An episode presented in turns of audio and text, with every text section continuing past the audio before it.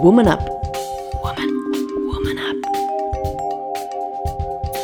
12. Ik ben gevoelig. Ben je over je toeren? Voel je je net niets of tegenovergestelde helemaal te veel? Ik heb me heel vaak te veel gevoeld. Te intens, te luid, te, te, te, te, te. En daardoor was ik eigenlijk nooit tevreden over mezelf.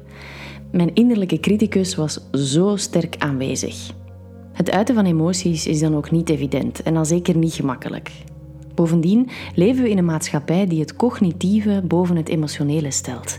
En worden we als vrouw al snel omschreven als hysterisch, flauw of wat dan ook, als we die emoties maar een klein beetje naar buiten durven brengen.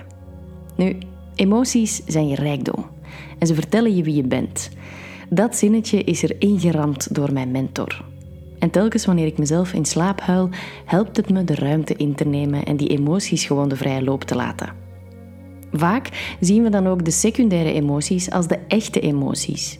Je barst bijvoorbeeld in tranen uit wanneer iemand jou op de vinger stikt.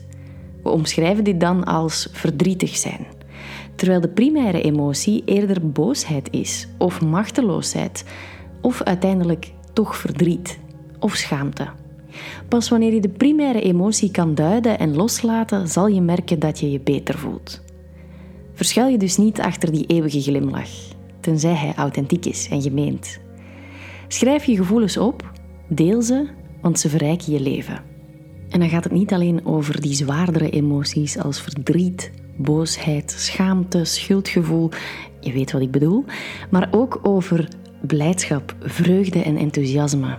Hou jezelf niet klein, maar deel jezelf en al je emoties met de wereld. En zoals ik al eerder zei, emoties zijn je rijkdom, ze vertellen je wie je bent. Wil je meer weten? Lees Woman Up. Meer weten over de online meditatietool die ik ontwikkelde, mijn boeken, weekends, yogareizen, coaching en zoveel meer? Check www.evadaleman.be.